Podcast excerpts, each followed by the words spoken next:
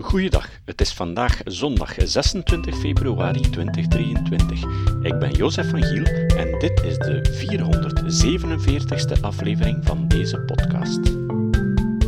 Het is deze week precies 14 jaar geleden dat ik deze podcast gestart ben. Het begon met 10 afleveringen over drogredenen. Of, zoals ik het toen noemde, misvattingen. Die drogredenen zijn nog altijd een belangrijke basis voor kritisch denken. Ik raad je dus aan om die eerste afleveringen zeker eens te beluisteren als je dat nog niet deed. Vandaag spreken we over scientisme. Ik word regelmatig van scientisme verweten. Maar wat is dat juist? Volgens mij is het een stopwoord dat in dezelfde categorie hoort, zoals bijvoorbeeld islamofobie. Zoals islamofobie een woord is om kritiek op de islam te pareren, is scientisme een woord om iemand te pareren die wetenschappelijke argumenten gebruikt in een discussie. Het wordt dikwijls gebruikt om te beargumenteren dat je morele vraagstukken niet met wetenschap kan oplossen. Dat is waar. Voor een stuk toch. Het is dom om een moreel vraagstuk te beantwoorden zonder alle wetenschappelijke feiten waar het morele vraagstuk aan gekoppeld is te onderzoeken. Anders kan je moeilijk beslissen of bijvoorbeeld het eten van vlees verantwoord is of niet.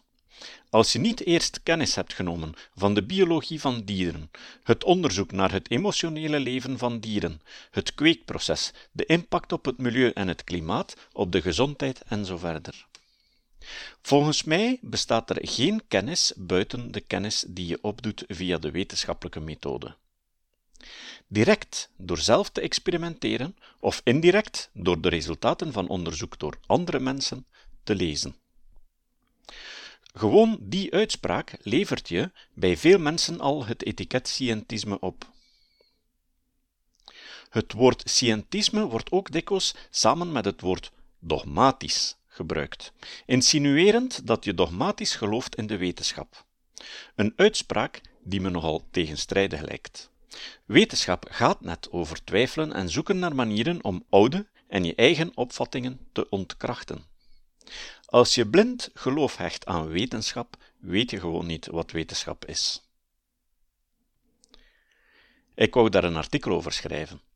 Maar toen kwam ik een tekst van Maarten Boudry over het onderwerp tegen. En Maarten kan veel beter schrijven dan ik.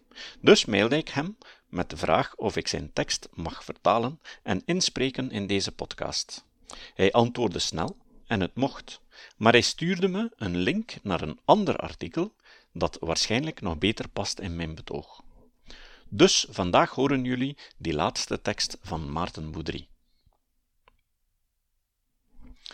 Scientisme, schmientisme waarom er naast de wetenschap geen andere manieren zijn om te weten. Breed opgevat. Waar hebben we het over als we het hebben over wetenschap? De meeste mensen die van de term hebben gehoord, geloven dat het iets ergs is. Een epistemische zonde of aandoening die we ten koste van alles moeten vermijden. En dat is inderdaad het meest voorkomende gebruik van de term. Het algemene gevoel is dat de wetenschap te ver reikt, haar eigen grenzen verlegt en op onwettige wijze andere onderzoeksgebieden koloniseert. Aan de andere kant is het woord door sommige mensen ook toegeëigend als een ereteken, in weerwil van de negatieve connotaties. Filosofen als Alex Rosenberg en Don Ross verkondigen nu trots voorstanders te zijn van wetenschap. Grofweg geloven ze dat de wetenschap oppermachtig zou moeten zijn op het gebied van kennis en dat er geen andere manieren van weten zijn dan de wetenschap. Deze kwestie van scientisme en de grenzen van de wetenschap was het onderwerp van een boek dat ik in 2018 samen met Massimo Pigliucci heb samengesteld. Het bevat bijdragen van zowel vrienden als vijanden van het scientisme en probeert de vraag te beantwoorden: wat zijn eventueel de eigenlijke grenzen van de wetenschap? In onze inleiding tot Science Unlimited onderscheiden we twee manieren om scientisme te definiëren. Als scheldwoord, vergelijkbaar met pseudowetenschap, pejoratieve definitie. Hier is scientisme per definitie slecht. En de relevante vraag die gesteld moet worden is dan: wat kwalificeert als scientisme? Is het een handige term? Is er iets in onze moderne samenleving dat aan de beschrijving voldoet? Als een gewoon filosofisch standpunt over de rijkwijde en omvang van de wetenschappen. Neutrale definitie. De vraag wordt dan: is deze visie verdedigbaar of niet? Zijn er goede argumenten voor? Nu las ik vorige maand een slim nieuw artikel in Metafilosofie ter verdediging van scientisme, dat de tweede strategie nastreeft. De Finse auteurs, bekend als de Helsinki Circle, pleiten voor een neutrale definitie van wetenschap, waarbij onderscheid wordt gemaakt tussen vier verschillende smaken. De vier posities volgen uit twee eenvoudige keuzes. Ofwel hanteer je een enge ofwel een brede definitie van wetenschap. En ten tweede, ofwel geloof je dat wetenschap de enige geldige bron van kennis is, of dat het simpelweg de beste is die beschikbaar is. Omdat scientisme meestal een schrikbeeld is dat door critici wordt gedefinieerd, is de meeste aandacht uitgegaan naar de meest radicale versie die stelt dat de natuurwetenschappen de enige geldige vorm van kennis zijn. Dit is een behoorlijk extreme opvatting. Die zou impliceren dat alle geesteswetenschappen en sociale wetenschappen gewoon onzin zijn. Ik geloof dat deze versie van scientisme relatief gemakkelijk omver te werpen is.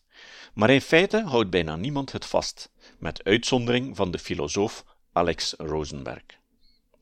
De auteurs willen de aandacht vestigen op de andere drie versies van scientisme, die meer verdedigbaar zijn, maar niettemin interessant en niet triviaal. In de rest van het artikel bespreken ze hoe de verschillende interpretaties van scientisme het doen onder twee kritiekpunten. A. Dat scientisme zichzelf ondermijnt omdat de stelling zelf niet met wetenschappelijke middelen kan worden aangetoond. B dat wetenschap onvermijdelijk vertrouwt op niet-wetenschappelijke bronnen van kennis, zoals metafysische veronderstellingen of gegevens van onze zintuigen. Hier wil ik me concentreren op het tweede bezwaar. Veronderstelt de wetenschap het bestaan van een externe wereld of wettige regelmatigheden of de waarheid van het naturalisme of andere metafysische begrippen? Nee, dat doet het niet. Dit zijn slechts werkhypothesen die gaandeweg worden getest. Ze zouden in sommige opzichten fout kunnen blijken te zijn, maar ze hebben ons tot nu toe redelijk goed gediend. Ik heb zelf uitvoerig voor deze positie gepleit, in een paper met de neuroloog Jon Fishman en eerder met mijn Gentse collega's, maar dit is hoe de Helsinki Circle de zaak bepleit. Men hoeft er niet van uit te gaan dat wetenschap kennis van de buitenwereld kan verwerven. De wetenschap kan slechts beginnen met de hypothese dat enige vorm van kennis haalbaar zou kunnen zijn.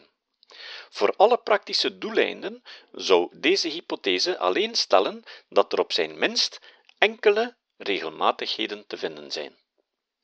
Deze hypothese zou getoetst kunnen worden door simpelweg te proberen met wetenschappelijke middelen empirische kennis te verkrijgen. Als het onmogelijk is om dit soort kennis te bereiken, dan zijn de inspanningen gewoon te vergeefs. Maar hopen dat iets het geval is, is niet hetzelfde als geloven dat het zo is. Ten tweede maakt het feit dat wetenschappers op hun zintuigen vertrouwen scientisme ongeldig? Nee. Als dat een grens zou vormen voor wetenschap, zou de kwestie van scientisme volkomen triviaal worden. Natuurlijk vertrouwt de wetenschap op informatie die via onze menselijke zintuigen is verkregen. Sterker nog, zonder zou het niet eens van de grond kunnen komen. Maar ook deze zintuiglijke input wordt gaandeweg verfijnd en gecorrigeerd. De wetenschap heeft allerlei methodische waarborgen en correcties ontwikkeld om de vooroordelen en zwakheden van de menselijke waarneming te compenseren, die op hun beurt door wetenschappelijk onderzoek zijn ontdekt. De auteurs van Helsinki ontwikkelden enkele mooie analogieën met waterzuivering en recycling van afval. We hebben bijvoorbeeld het dubbelblinde protocol overgenomen in medisch onderzoek toen we hoorden over voorkeur voor bevestiging en het placebo-effect. Al deze argumenten dat wetenschap gebaseerd is op een of andere buitenwetenschappelijke aanname of bron van kennis maken zich schuldig aan wat ik de fundamentele drogreden noem. De vergissing is te denken dat kennis iets is dat moet worden verankerd in een solide fundering en dat als deze fundering niet volledig veilig is, het hele gebouw zal instorten. Maar deze metafoor van menselijke kennis is zeer misleidend en leidt onvermijdelijk tot oneindige achteruitgang. Welke ultieme fundering je ook bedenkt, je kunt altijd de vraag stellen: waar is die fundering op gebaseerd? Het kan niet zelfbewijzend zijn, zwevend in de lucht. Dit doet denken aan de oude Hindoeïstische kosmologie, volgens welke we leven op een platte aarde, ondersteund door vier grote olifanten. Best stevig, maar waar staan die olifanten op? Op de rug van een gigantische schildpad. En de schildpad? Op de rug van een nog grotere schildpad. En dus zijn het schildpadden helemaal naar beneden tot in het oneindige. Een betere metafoor van menselijke kennis is die van een groot web met veel onderling verbonden strengen die elkaar onderling versterken. Hoe meer connecties, hoe betrouwbaarder onze kennis. Filosofe Susan Haak vergelijkt wetenschap met het oplossen van een kruiswoordpuzzel, waarin verticale en horizontale antwoorden elkaar kruisen en versterken. Als je zo'n puzzel wilt oplossen, moet je natuurlijk ergens beginnen. Maar dat betekent niet dat uw eerste antwoord de basis van alle anderen zal zijn. Eigenlijk kun je overal beginnen. Als je slim bent, begin je eerst met een potlood. Vul je voorlopige antwoorden in en later, als je meer zelfvertrouwen hebt, gebruik je inkt.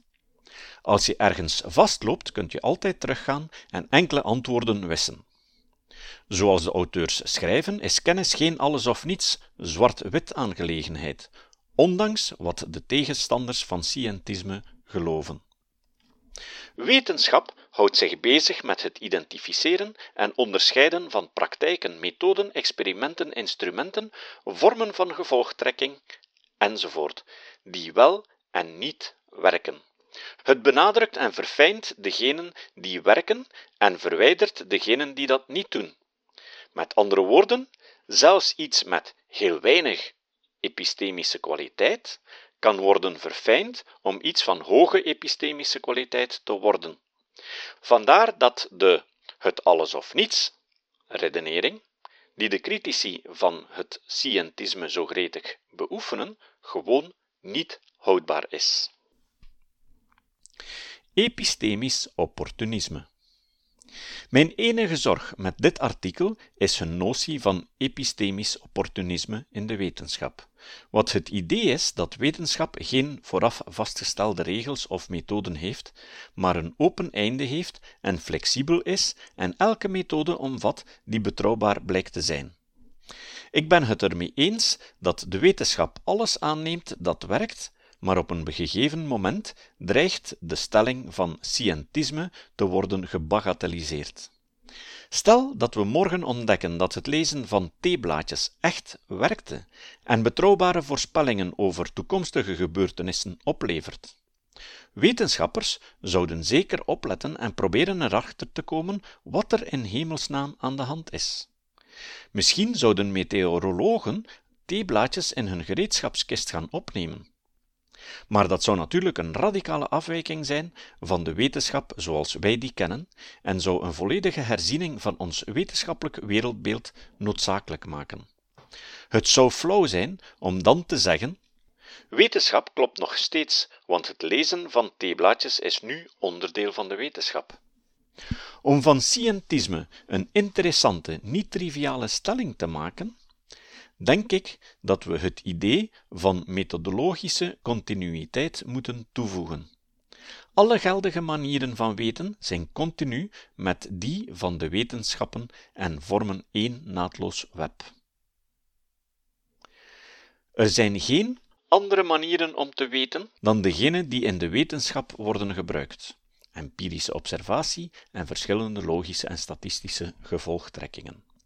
Natuurlijk kunnen we nog steeds pragmatisch onderscheid maken tussen geïnstitutionaliseerde wetenschap en andere vormen van onderzoek. Neem een alledaagse vorm van kennisvergaring, zoals een loodgieter die een lek probeert te lokaliseren. Het zou enigszins vreemd zijn om mijn loodgieter een wetenschapper te noemen, maar dat betekent niet dat hij bezig is met een andere manier van weten. Als hij een goede loodgieter is, zal hij vertrouwen op dezelfde methoden en manieren van gevolgtrekking die in de toolkit van de wetenschapper te vinden zijn. Observaties doen, verschillende hypothesen testen, logische gevolgtrekkingen gebruiken, enzovoort. Uiteraard hangt de achtergrondkennis van mijn loodgieter ook samen met goede wetenschappelijke kennis, bijvoorbeeld over vloeistofdynamica. Het belangrijkste verschil is dat mijn loodgieter werkt aan een relatief alledaags en geïsoleerd probleem, mijn gootsteen. Dat zowel eenvoudig genoeg is om zelf op te lossen, als bekrompen genoeg om niet interessant te zijn voor academische tijdschriften. Om te zien wat echt een andere manier van weten zou zijn, Stel je voor dat mijn loodgieter een wichelroede of magische kristallen begon te gebruiken om het lek te lokaliseren. Dergelijke methoden verschillen radicaal van de methoden die in de wetenschap worden gebruikt. Maar niet toevallig zijn ze ook onzinnig. Kort gezegd is de definitie van scientisme die ik zou onderschrijven de volgende. Er zijn geen wetenschappelijke manieren om kennis te verkrijgen dan die welke door de wetenschappen worden gebruikt. Ruim opgevat, inclusief geschiedenis- en geesteswetenschappen. Alle geldige manieren van weten zijn ononderbroken aan elkaar en berusten op vrijwel dezelfde methoden en wijzen van gevolgtrekking.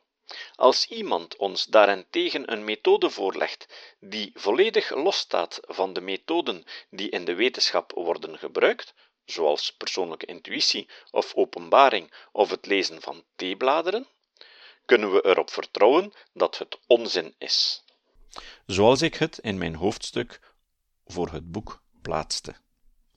Als een feitelijke vraag al beantwoord kan worden, kan die worden beantwoord met behulp van methoden die op zijn minst aansluiten bij de wetenschap. Als een andere epistemische onderneming te los komt te staan van de wetenschap en dus van de rest van het kennisweb waarmee de wetenschap verbonden is, voorspelt dat gewoon niet veel goeds voor die onderneming. Bijvoorbeeld theologie, analytische metafysica, fenomenologie. In ieder geval zullen de verdedigers van andere manieren van weten het moeilijk hebben om de argumenten in dit nieuwe artikel te beantwoorden.